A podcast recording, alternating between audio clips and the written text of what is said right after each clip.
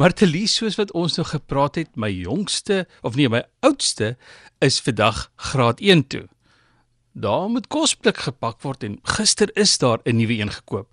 Gelukkig nie by Louis Vuitton nie. Nou kleinsus is ook terug speelskool toe en moes 'n koel cool sakkie vir skoolkos kry. Darm nie by Louis Vuitton nie. Dis so rowweg middagete tyd. Baie mense het middagete van die huis af saamgevat werk toe. Toebroodjies vinnig en gerieflik en tuisgemaak is gewoonlik dan goedkoper as om iets erns te gaan koop. So jy kan 'n bietjie spaar.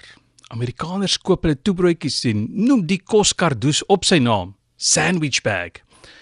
Nou kry die prentjie in jou geestesoog. Nie die toebroodjies nie, die sak.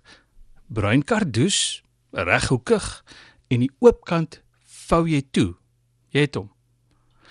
Nou wat Louis Vuitton gedoen het, is om 'n prys van R60000 daarop te sit en verkoop dit eksklusief in 'n Hollywood opskietwinkel. Hulle praat in dollars, so 3130 dollar.